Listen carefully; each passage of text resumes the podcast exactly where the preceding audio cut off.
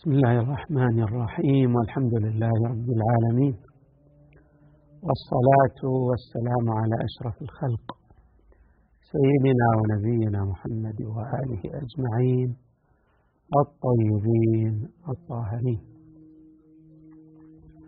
قال الله تبارك وتعالى في القرآن الكريم إنا أعطيناك الكوثر فصل لربك وانحر.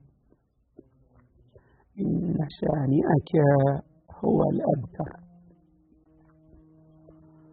العطية الكبرى التي أعطيها أعطي إياها النبي صلى الله عليه وآله هي الصديق الزهراء عليه السلام. وهي الكوثر بمعنى الخير الكثير. ولا مانع من صدق الكوثر أيضا على الإسلام أو على نهر في الجنة أو على القرآن وما إلى ذلك من المعاني. ولكن أبرز مصداق للكوثر هو الصديق الزهراء عليه السلام. وحتى يتبين هذا المعنى هناك مناسبة نزلت أو سبب للنزول نحن نعرف أن النبي صلى الله عليه وآله كان يعني رزق بعض الولد ولكن الله تبارك وتعالى ما شاءت إرادته أن يستمر له ولد لحكمته التي لا نعلم بمداياتها. والعرب كانوا يرون أن من يموت الذكور من أبنائه سيموت بهم. يعني لن يبقى له ذكر. غير أن النبي صلى الله عليه وآله عندما رزق الصديقة الزهراء عليه السلام كانت هذه الصديقة هي الاستمرار الطبيعي لذرية رسول الله صلى الله عليه وآله. ولهذا نجد أن أولا الذرية المعصومية أي أن المعصومين هم من أبناء الصديقة الزهراء عليه السلام الحسن والحسين والتسعة من ذرية الحسين عليهم السلام. المهدي ورد تأكيد بالخصوص على أنه من ذرية فاطمة.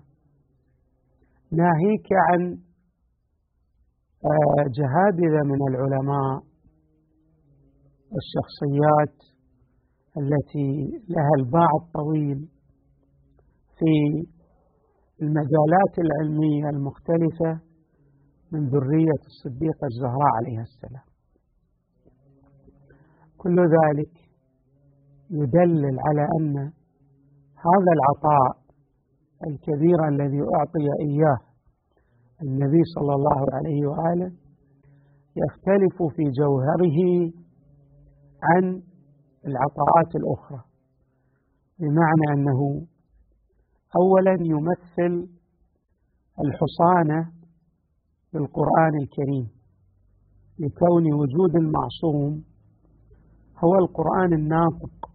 الذي يجسد جميع المفاهيم التي جاءت في القرآن الكريم.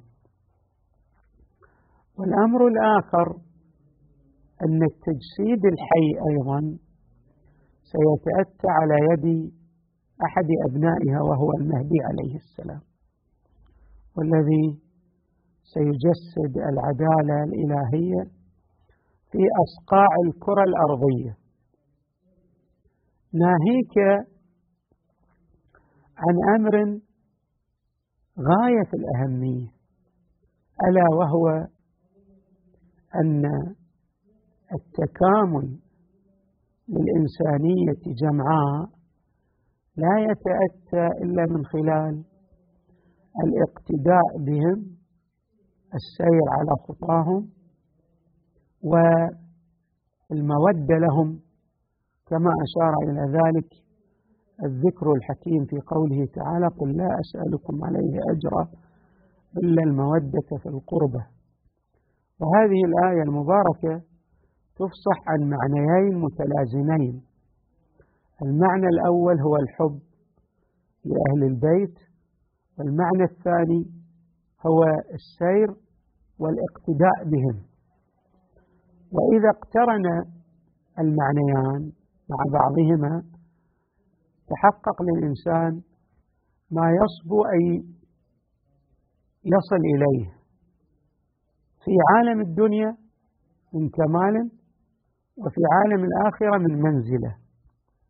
فأصبح ذلك العطاء أو الكوثر الذي تحدثت عنه الآية ليس فقط الاستمرار لنسل النبي صلى الله عليه وآله وإنما هو إيصال البشرية إيصال البشرية إلى كمالها بالخصوص إيصال المؤمنين الذين يريدون أن يجسدوا الرضوان الإلهي إلى المكانة الرفيعة والدرجة السامقة. فكان معنى الكوثر آه، فيه تقاطع والتقاء لكل هذه المعاني المتعددة وحري بالمؤمن إذا مرت عليه مثل هذه المناسبة مناسبة استشهاد الصديقة الزهراء أن يلتفت إلى هذه المعاني المتعددة ليحقق في نفسه المعنى العميق لمودتها والحب لذريتها صلوات الله وسلامه عليهم أجمعين. نسأل الله أن نكون معها ومع أبيها وبعلها وبنيها في الدنيا والآخرة. والحمد لله رب العالمين. وصلى الله وسلم وزاد وبارك على سيدنا ونبينا محمد وآله أجمعين الطيبين الطاهرين.